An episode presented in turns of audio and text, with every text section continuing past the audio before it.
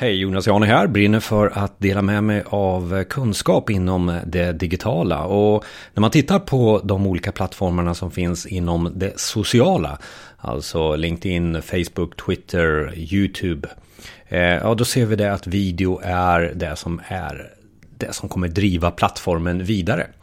Vi ser också att eh, YouTube minskar i sin eh, popul eh, popularitet.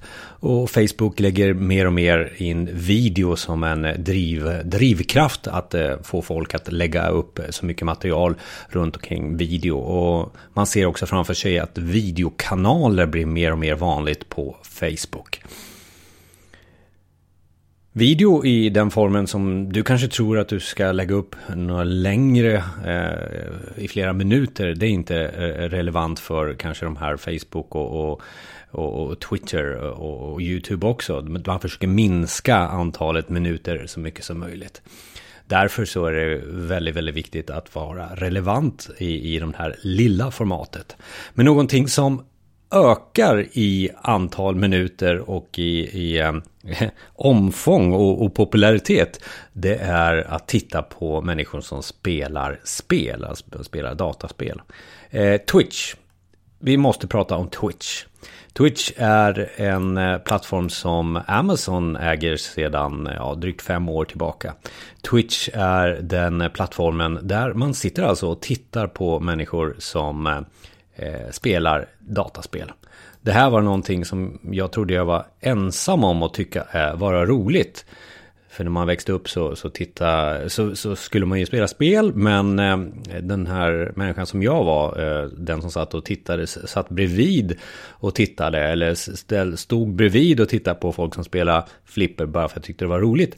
Eh, den trodde jag inte fanns. Sen så började de här plattformarna dyka upp då och Twitch är ju en av de större. Och vi ser ju också, beroende också på vilken ålder man är.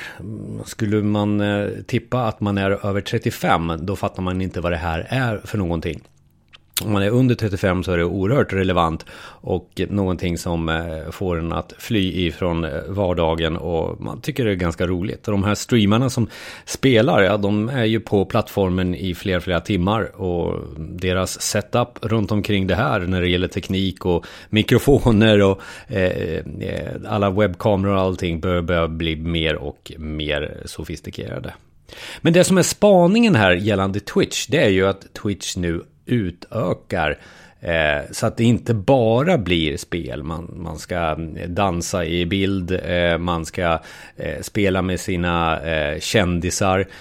När Ninja spelade med Drake ni förstår vad det gjorde för plattformen när Drake, som är en, en artist, musik, musikalartist, var inne i plattformen och spelade mot den absolut populäraste streamaren, eh, ja då så, så åkte ju tittarsiffrorna upp i höjden. Och det här har ju eh, även Twitch då anammat genom att man nu har lagt till mer och mer funktioner och flörtar mer och mer med artister.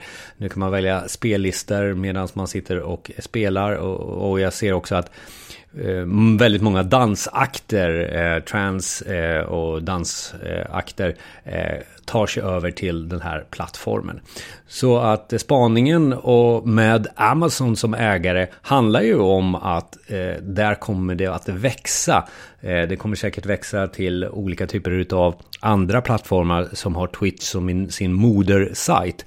Och jag tror att Twitch kommer ha en relevans för många eh, av den lite yngre generationen som blir äldre och äldre, vilket innebär att relevansen kommer med åren. Så titta in på Twitch.